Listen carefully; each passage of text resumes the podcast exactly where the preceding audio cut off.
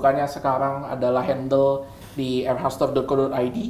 Nah, buat kalian yang mungkin bingung kita udah bertanya-tanya airhastore.co.id itu apa? Nanti kita akan ngobrol-ngobrol nih jelasnya hari ini ya bareng Mas Mario juga nih. Mungkin Mas Mario, ayo Mas kenalin diri Iya. Mas. Halo, kenalin nama gue Mario. Sekarang kesibukan gue ngurusin online marketplace. Nah, buat kalian yang nggak tahu bedanya apa nih online marketplace sama yang diurus sama Mas Ferdi, nah nanti kita bakal ngobrol di sini tuh, biar kita sama-sama lebih tahu lah. Ya, bener banget. Nah, mungkin teman-teman semua banyak banget kan yang udah pasti familiar ya, yang namanya belanja online, yang namanya transaksi online, Hmm. transaksi virtual, bahkan beli makanannya sekarang online ya. Udah nggak datang lagi ke restoran. Udah nggak ada lagi, mereka bisa pencet-pencet, Iya, benar. datang pesanan Kayak tuh. lu sendiri kan bahkan belanja groceries online ya, yang gue denger ya mas. Yes. Nah, itu dia. Nah, mungkin teman-teman kan udah familiar banget tuh belanja online, tapi kayaknya pada nggak ngerti tuh mas perbedaannya uh, e-commerce itu ada apa aja sih atau e-commerce tuh sebenarnya apa sih gitu? Soalnya biasa dipukul rata nih orang nih. E-commerce dianggap itu semuanya e-commerce, bre. Nah, sedangkan kan kita tahu e-commerce itu semua transaksi jual beli yang melalui media elektronik biasanya itu kita sebut e-commerce. Nah, web store sama online marketplace itu part of an e-commerce. Hmm, oke. Nah, di situ yang kita pengen biar biar kita nggak salah istilah lah. Betul, betul. Iya. Nah, sebenarnya kalau kayak marketplace mungkin yang dihandle sama Mas Mario sama gua kan handle airhouse.co.id web store itu perbedaannya di mana ya Mas? Spesifiknya kayak mungkin teman-teman banyak yang harus Lebih. juga kali ya, yang lebih deep lagi. Nah, kalau dari sisi gua mungkin ya Mas Mario, eh, gua akan coba jelasin sedikit dari sisi web store ya. Web store itu apa sih sebenarnya? Web store itu adalah website yang memang dibangun itu dari pihak brandnya sendiri untuk menjual dan mendistribusikan produknya gitu kayak yang gue handle sekarang adalah airhastore.co.id itu kita bangun sendiri gitu websitenya kita urus sendiri domainnya kita urus sendiri web- websitenya gimana cara marketinginnya dan jualin produknya sampai ke customer gitu nah kalau marketplace gimana mas sama atau beda Kalau marketplace kurang lebih sama. Cuma bedanya itu kita numpang di tempat orang lain tuh. Nah bedanya apa? Kalau tempatnya Mas Ferdi, web store mereka tuh buat dari totally from scratch, dari nol. Bedanya kalau yang yang gue ngurusin tuh, nah gue tuh gabung yang market sama online marketplace yang udah jadi nih. Contohnya kayak Shopee, Tokopedia, Lazada, dan mungkin teman-teman tahu lebih banyak lagi tuh marketplace yang existing di Indonesia tuh. Nah, bedanya apa? Nah, kita di situ kalau kita ikut online marketplace, kita biasanya ikut rulesnya mereka tuh. Nah, di situ kita lebih banyak ketemu sama seller-seller yang lain. Nah, jadi kita masing-masing punya tantangan yang beda-beda nih. Ya. Antara apa yang challenge-nya di online marketplace sama online tempatnya di web store. Betul Nah, challenge-nya bisa seperti apa sih, bro? challenge. Ah, Tadi menarik tuh, Mas Mario udah sebut kata kuncinya adalah kalau di marketplace kayak numpang dalam tanda kutip, kayak ngontrak ya Mas Ngontrak, gitu. gitu. Ada bayar kontrakan dong berarti Iya. Mas. Iya. Soalnya gini, Fer, gue tuh sering pakai analogi ini. Kalau web store itu biasanya yang kita tahu kayak eh, toko sendiri lah. Hmm. Contoh kita punya satu gedung, nah isinya kita doang tuh yang ngurusin tuh. Tapi kalau online marketplace itu ibaratnya kayak mall. Nah itu ada satu mall, kita tuh numpang di tempat orang tuh. Dan di situ banyak toko-toko kecil yang ada di situ tuh. Nah itu yang yang paling mendasari Iya. lah perbedaan online marketplace dengan web store tuh. Betul banget. Dan ada bayar sewanya berarti. ya. Hmm. Ada Kalau- bayar sewa. Kalau buka toko di mall ada sewanya. Yoi. Itu bedanya. Nah, kalau tempat gua web store itu kan rumah sendiri ya. Ibaratnya kita bangun rumahnya sendiri dari nol. Challenge-nya yang utama adalah pasti itu takes time banget gitu. Takes time banget untuk ngebangun rumahnya ini dan butuh biaya memang gitu di awal. Jadi waktu awal-awal itu effortnya besar banget sih gitu dari sisi waktu, dari sisi biaya, dari sisi uh, resources itu akan menyerap banyak banget. Itu challenge utama dan ketika rumah itu udah jadi, ibaratnya kan ya kita bangun toko lah, toko kelontong di rumah. Ketika kita udah jadi tokonya, problem kedua kan udah pasti gimana nih narik orang ya, Mas Mario gitu. Itu susah banget gitu. Gimana cara kita kenalin ke orang, ini loh kita punya toko, kita jualan produk ini, yuk beli yuk dari toko gua gitu. Nah itu susah tuh. Kalau kita ngomongin eh, pengunjung, mungkin teman-teman udah pada tahu tuh istilah yang paling paling ngetren lah di online itu adanya namanya traffic.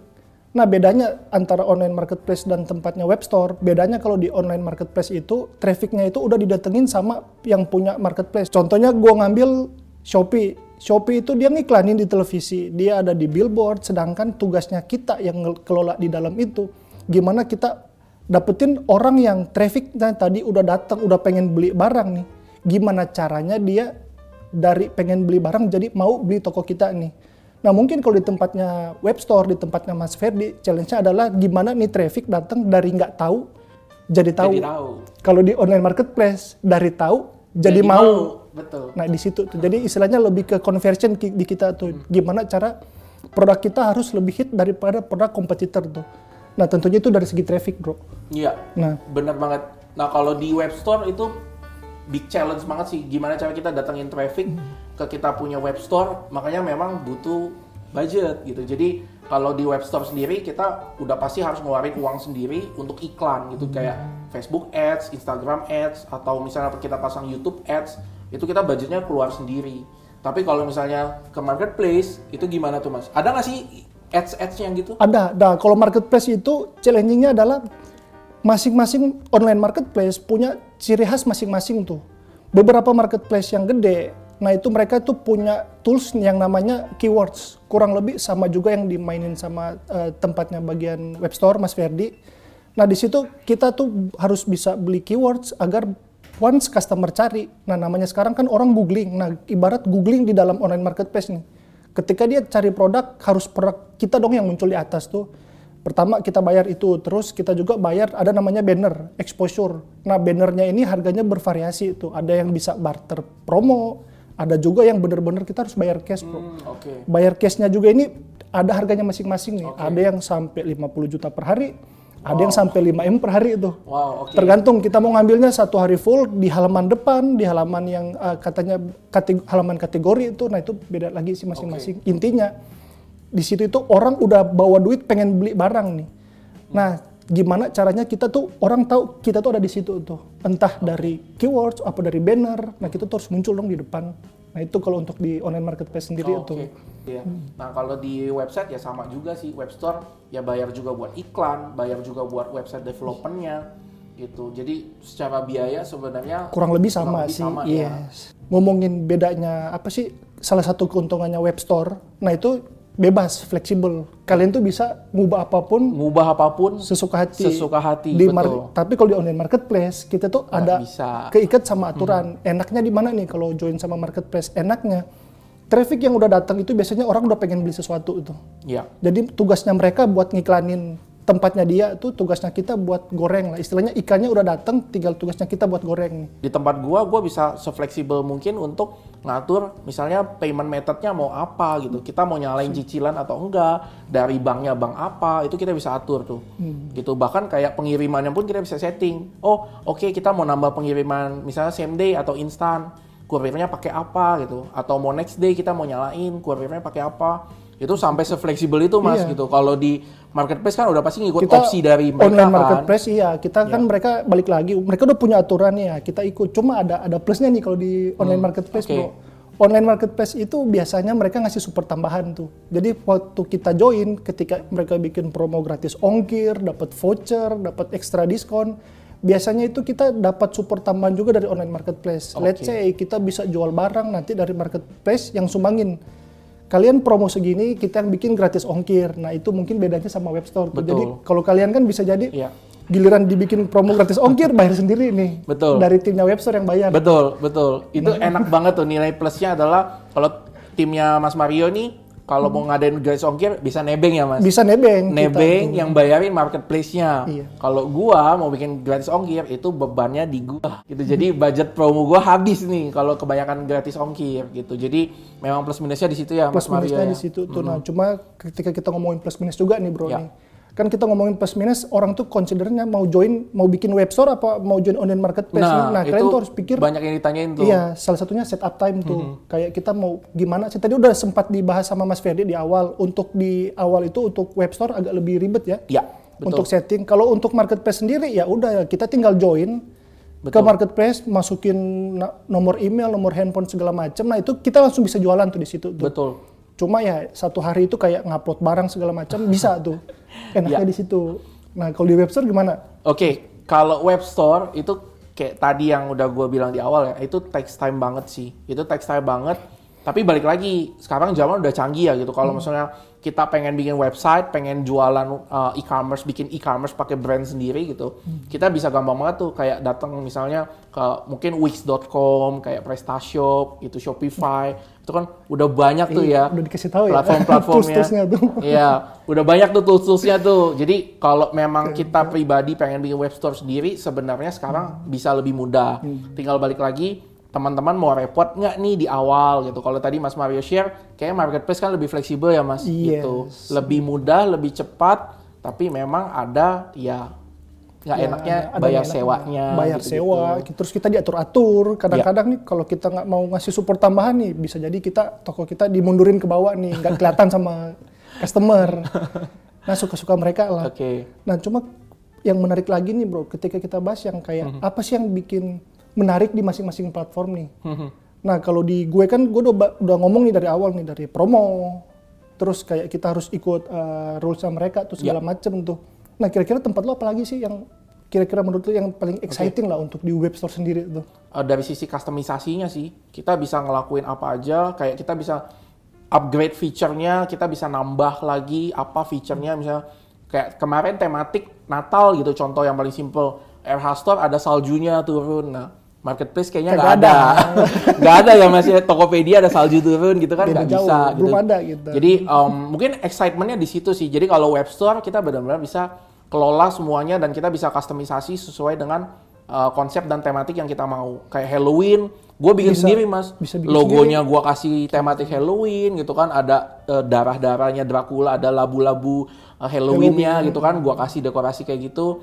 Kayak kalau marketplace kan agak marketplace susah ya. susah, tuh marketplace uh, yang bikin exciting adalah mereka itu selalu berkembang kalau untuk timnya online marketplace sendiri itu. Nah, yang bikin kita semangat kerja di situ adalah ketika mereka pasti ngeluarin tools-tools baru tuh. Oke. Contohnya kayak di beberapa online marketplace ya Hmm. mereka keluarin tab-tab kotak tuh. Jadi kayak kita pencet-pencet kotak dapat voucher. Terus ada yang. Hmm. bikin games tuh. Nah, games itu beberapa marketplace. Jadi kayak kita tuh dapat sesuatu yang baru dengan Ya. join di online marketplace. Bahkan yang sekarang itu muncul istilah baru tuh. Bukan lagi online marketplace, tapi beberapa official store, beberapa company Hmm. udah mulai treat online marketplace sebagai online marketing place. Di mana itu orang ke marketplace kadang-kadang official store yang penting ada aja tokonya, Bre. Oh, karena. Mhm. jatuh-jatuhnya kan kenapa dibilang online marketing place? Nah, karena di situ itu ibarat official store itu nggak keren kalau nggak punya toko di online marketplace tuh. Padahal mereka juga ngembangin web store sendiri tuh. Oke, ibaratnya numpang Yes. eksisnya dari marketplace ya. Jadi mereka bikin kayak ngiklannya itu dari online marketplace. Yang Hmm. Oke. penting exposure-nya dapat dulu. Exposure dapat nih. dulu. Promo gede di mana? Di web di store. web store. Kayaknya gua tahu tuh ada brand yang kayak gitu. Iya. Mereka jualan di marketplace tapi promo gedenya di web store ya, di website mereka sendiri Iya, gitu. itu insight-nya kira-kira kenapa, Bri? Nah, biasanya itu orang. Orang tuh lebih tahu online marketplace. Kita harus jujur daripada web store-nya sendiri. Betul, betul banget. Tapi once mereka menang brandnya di online marketplace, customer itu pinter. Mereka tuh pasti nyari itu brand contoh lah, Ya. brand RH tuh. Pas dilihat, wah ada ada rhstore.co.id Iya, ada web store-nya. Mereka compare dong harga. Ya. Wah, lebih murah di rhstore.co.id. Akhirnya iya. Jadi strateginya bisnis udah mulai ke arah situ tuh. Jadi kita kayak manfaatin traffic yang datang dari sebelah, kita alihin ke toko kita sendiri. Ya. Karena kenapa ujung-ujungnya kita nggak perlu bayar sewa lagi itu, nggak perlu bayar kontrak ke mereka. Betul, nggak perlu ngontrak lagi ya di Iya. marketplace-nya ya. Oke, betul banget. Nah, terus menarik lagi nih bro, kita ngomongin mall sama toko nih. Oke. Banyak orang suka bertanya-tanya, nah si online marketplace dan eh, apa namanya web store, Hmm. e-commerce lah katakanlah e-commerce itu dia tuh berpengaruh nggak ke penjualan di offline tuh? Kita ancaman nggak? Nah itu Oke. gimana tuh kalau dari sudut pandang? Gimana tuh? Itu seru tuh. Itu menarik banget. Jadi kayak gua sekarang sebenarnya total udah hampir enam tahun Mas di e-commerce. Nah, selama gua di e-commerce itu banyak banget orang yang nanya, "Eh, e-commerce tuh kanibal nggak sih sama offline store atau itu menggantikan nggak sih?" Kalau buat gua pribadi ya, jawabannya adalah tidak menggantikan. Tidak menggantikan. Untuk saat ini ya, dan untuk mungkin lima tahun ke depan, gue bisa bilang masih belum sih, masih belum menggantikan. Gitu. Jadi tetap brand atau uh, offline retail itu tetap akan jadi majority, Yes. tetap besar gitu. Nah, online retail e-commerce ini sebagai perpanjangan tangan aja nih. Jadi kayak ngasih opsi lebih ke customer, Customer. yang memang dia senang belanja online. Kalau gua pribadi ya Mas, kayak generasi bokap nyokap gua suruh belanja online nggak Males. mau Mas. lama. Lama, Terus kayak ya buat generasi beberapa generasi bilang ribet. ribet, barangnya nggak bisa dipegang langsung. Hmm. Mereka nggak bisa lihat barangnya langsung, takut ditipu, wah macem-macem lah udah alasannya. Itu udah udah kita Udah nggak ya, bisa tutup iya. mata lah ya, maksudnya generasi orang tua kita mungkin ya mindsetnya seperti itu. Hmm. Jadi kalau buat gua pribadi, offline retail, toko offline itu akan tetap selalu eksis gitu. Iya. Mau ga- bagaimanapun caranya, mau sebesar apa pun uh, promo yang kita lakuin di online, tetap offline kan masih Nah, Kalau jalan kita, ya. gue pernah baca tuh artikel. Di situ disebutin bahkan ketika kita promo secara online, orang itu tahu barang kita tuh. Jadi dari balik lagi tadi tuh. Oke. Dari nggak tahu jadi tahu. Nah dari tahu mereka kadang-kadang ke marketplace sampai pengen beli. Cuma kebanyakan 80% orang itu biasanya lari ke toko offline tuh. Karena orang itu pengen pegang dulu barangnya tuh. Dia ta- kalau ketika ditanya nih bro, lu tahu barangnya dari mana sih? Gue lihat iklannya di Instagram. Iya. Gua cari di Google nongol tuh barang tuh. Betul. Nah tapi mereka tuh masih skeptis lah dibilang buat beli dari offline, eh Iya. beli dari online sorry. Betul. Nah akhirnya apa? Mereka ke toko offline sehingga purchase-nya itu dari toko offline tuh. offline. Jadi kita tuh di sini bukan kanibalisme tapi simbiosis mutualisme tuh. Ya, betul. Sama juga. Itu gua setuju. Iya. Nah makanya beberapa company yang gede ini sekarang udah mulai ke arah omni channel tuh. Omni channel. Gimana betul. traffic dari offline dikasih ke online karena dengan kemudahan tadi itu orang males apa namanya kayak barangnya stoknya nggak lagi nggak ada di toko nih mau nggak mau beli online dong Ya. tapi dia harus sabar nunggu balik lagi orang yang di online beli lagi di offline dia tuh tahu barangnya ada di online tapi pas dia ke toko ke Transmart Cibubur nah di situ tuh ada tuh toko era store offline tuh Oh, sama oke. di Bogor Botani- ya Botani, Botani Square. Square, Nah betul. di situ tuh, jadi mereka tuh lihat barangnya tuh, wah di Tokopedia ada nih bagus nih, tapi dia wah dia harus pegang langsung dong. Iya. Wah itu kita ada juga di Transmart di Cibubur sama Botani Square. Botani ya. Square, nah di ya. situ tuh jadi kita saling ngasih traffic, kita bantu ke toko offline, toko offline juga bantu ke kita tuh. Jadi simbiosisnya lebih ke mutualisme sih. gitu. Dan untuk beberapa case kayak barang-barang atau item tertentu, Mas, itu memang offline-nya itu jualannya jauh lebih Yes, gede. Jauh lebih gede. Contoh paling simple ya mungkin uh, ini experience gue pribadi nih mas Hmm. gitu. Kemarin ini ada brand uh, smartphone gitu kan ngeluarin launching gitu Hmm. kan, launching produk barunya mereka. Gue liat iklannya gede-gedean banget di mana-mana. Semua youtuber, uh, reviewer handphone gitu kan, reviewer gadget bahas produk itu gitu. Nah, gue kepancing. Tapi yang gue lakukan adalah gua nggak langsung beli, tapi gua datang dulu ke toko, Hmm. gua pegang dulu mas barangnya gitu. Iya iya sih. Nah cuma apa namanya kita nih ngomongin biasanya tuh masalah internal tuh apa kayak ngomongin offline sama online hubungan relasi. Nah harus kita ngakuin tuh di Indonesia sendiri masih banyak tuh tim kayak kebagi dua tuh bro. Jadi oke. divisi offline itu merasa divisi online itu ancaman, Oke, vice versa juga tuh. Dari online tuh menganggap offline tuh nggak pernah ngedukung nih. iya, Nah itu sih kalau kita tuh expect, jadi kayak gimana ya, kayak jangan sampai ada oknum-oknum yang di offline ini ngomong kayak, kalian punya toko online nggak sih? Oh enggak, kita nggak punya toko online. Kenapa mereka ngomong gitu? Karena mereka takut customernya lari ke online. Padahal Oh, enggak, oke. itu kita udah jelasin panjang lebar di awal tadi itu karena enggak. Nah, on- orang online juga kita expect juga tim kita Ya. nih. Agar ketika ada orang tanya, tokonya ada di mana aja sih, apoteknya ada di mana aja, kliniknya di mana aja tuh. Nah, kita tuh bisa secara gamblang bilang, Kak, kalau memang mau cek produk kita secara langsung, bisa langsung kita arahin tuh. Nah, itu kelebihan online tuh. Jadi ketika itu kejadian, ketika customer itu di daerah Manado tuh, which is rumah rumah gue. sih. oke, iya.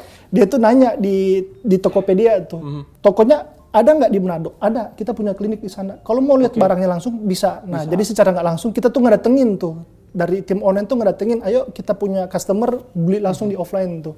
Setuju banget. Jadi memang online ini harusnya memang kita kan collapse bareng Collapse lah ya bareng. ibaratnya. Iya Toh kan lah. satu tujuan gitu kan kita tujuannya sama-sama jualan, beda channel doang ya Mas. Gitu. Beda channel doang. Beda channel doang. Bahkan uh, online itu kalau menurut gua pribadi ya itu anggap aja sebagai exposure tambahan lah. Hmm. Gitu exposure tambahan kayak misalnya ada brand baru, produk baru, kita launching di online gede-gedean, pasti banyak kok gitu yang orang pengen experience di store ya Pasti Mas. banyak. Gitu. Kayak Iya. nyari mungkin baca ingredientnya, baca kayak cara pakainya di online gitu. Tapi at the end pasti banyak orang yang belinya jadinya di toko ya mas. Itu salah satu fungsi dari online, Online. e-commerce. Nah, mereka tuh bikin kayak namanya katalog.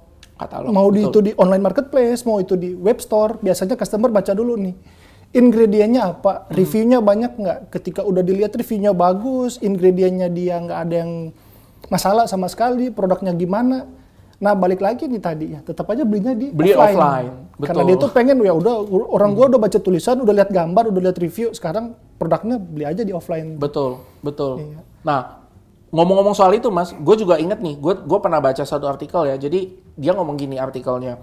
Jadi eh, kecenderungan orang kalau datang ke offline store buat nanya-nanya soal produk itu agak gengsi dalam tanda kutip ya, Yes. agak canggung, agak gengsi. Jadi mereka biasanya tendensinya adalah mereka search barangnya di online, Online. gitu. Kalau dapat di web store atau di marketplace, mereka baca-bacanya cari informasinya di sana. Tapi at the end belinya datang ke toko Ibarat riset dulu ya di riset online. dulu baru gitu ke toko. beli riset di online pelajarin produknya sama harganya ya mas Harganya. nanti at the end mereka datang ke toko biar nggak gengsi nih nanya-nanya ke mbak-mbaknya gitu kan atau ke mas-masnya jadi mereka langsung beli oh ya udah beli ini gitu padahal mereka udah riset dulu sebelumnya Mm, makanya kadang-kadang itu pas ke toko biasanya yang lebih tahu customer. betul Jadi karena dia kenapa dia udah lebih tahu duluan karena dia udah riset biasanya. Betul, Jadi dia itu kayak datang ke toko udah nggak banyak tanya-nanya. Nggak banyak nanya. Gue tuh pengen beli ABC ya udah. Langsung aja ya, purchase di transaksi situ, langsung. transaksi di situ tuh. betul banget Karena emang experience-nya beda sih. Betul. Nah kalau gue pribadi, gue kan kayak generasi kejepit lah. Nah gue itu lebih lebih seneng kalau barang-barang tertentu emang ya walaupun gue kerja di online marketplace, tetap bisa dibilang lah gue 60% 40. Oke. 60 gue pasti banyak di offline tuh. Kecuali kecuali memang barangnya nggak ada di offline di situ. Oke, ya menarik banget sih emang. Iya. Kayak gua pribadi pun ya kerja di e-commerce gitu kan dari dulu. Tapi emang beberapa item gue sama kayak Mas Mario gitu. Gua nggak beli di online. Kayak baju, sepatu, gue paling anti beli di online gitu karena Coba dulu. Coba dulu kayak size-nya pas nggak ya, Bahannya, warnanya, bahannya. Itu kan something yang kita nggak bisa dapetin dari online ya. Kayak megang bahannya nih kayak apa, lembut atau kasar itu kan kita nggak bisa. Gitu. Jadi untuk item tertentu memang kita tetap lari ke offline Lari ya ke mas. offline, yes. Iya, setuju banget. Oke, em, kalau gua jadi seller, kalau gua ditawarin untuk buka toko atau jualan di online, gua pasti akan lebih memilih untuk buka di marketplace. Kenapa? Karena pertama, tadi udah di- banyak dijelasin sih. Yang pertama udah pasti hampir nggak ada biaya untuk di awal. Kedua lebih cepat dan kedua lebih mudah untuk gua eh, kelola di awal. Kalau Mas Mario gimana? Kalau gue ketika ditanya pengen buka di mana, untuk awalnya gue tuh pasti pengen buka di online marketplace. Nah itu karena kita di awal itu settingnya cepet banget, toolsnya udah ada, customernya udah ada. Jadi kita tuh nggak oke. perlu pusing-pusing tuh barang tinggal diupload, dipromoin dikit, orang pasti beli itu.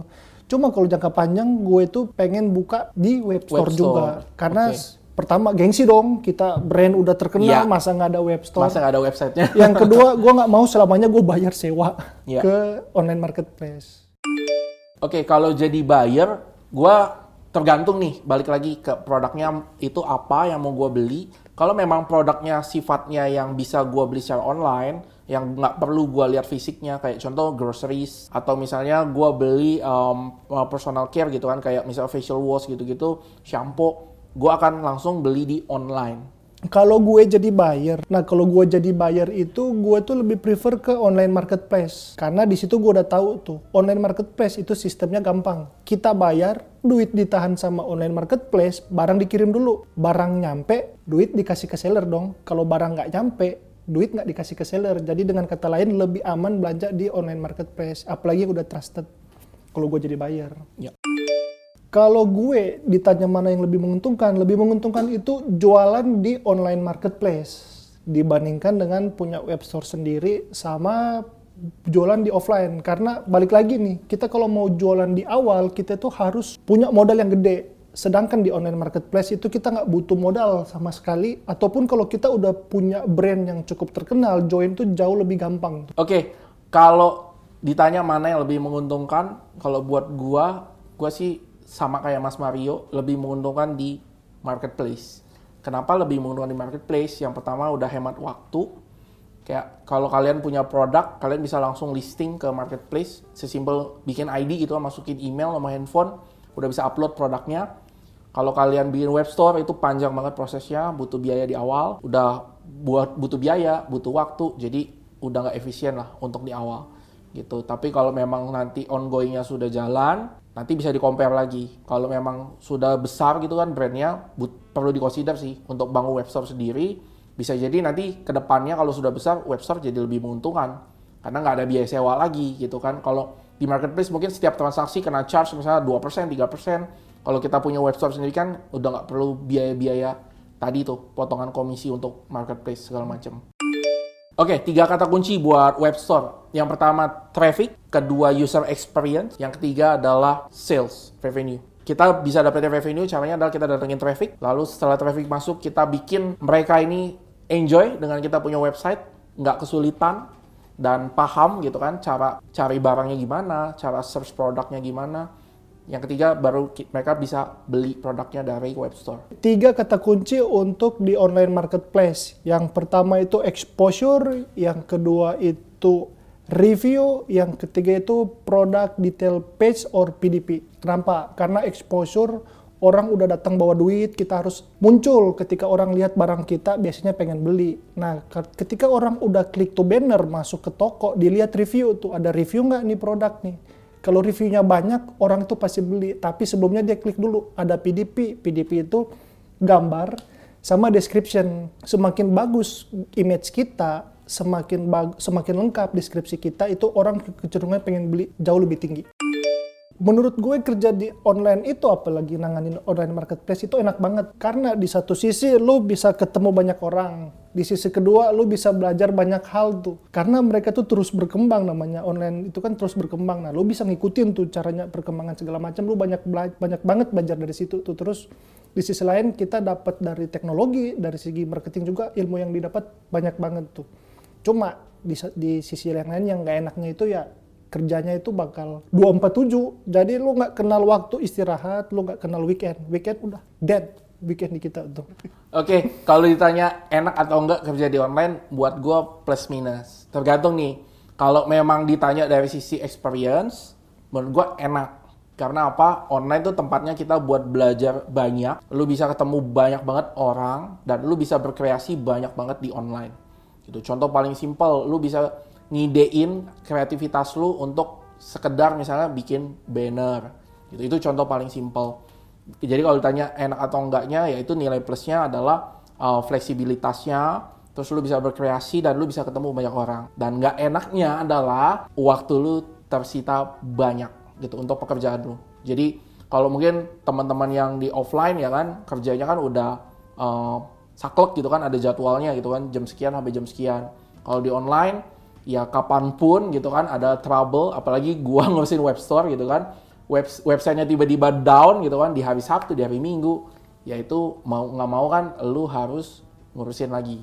Lu harus standby gitu. Jadi nggak enaknya lebih dari sisi fleksibilitas waktunya sih gitu. Lu harus benar-benar uh, nyiapin banyak waktu untuk preparationnya ini itunya belum lagi uh, troubleshootnya segala macam jadi dua itu yang tadi udah kita jelasin tentang bedanya antara web store dan online marketplace. Semoga bisa berguna bagi teman-teman Ya. Betul. Dan kalau buat teman-teman yang punya pertanyaan, mungkin tambahan dari yang tadi belum kita sempat jawab ya, Mas. Mungkin bisa tinggalin di kolom komentar di bawah ya.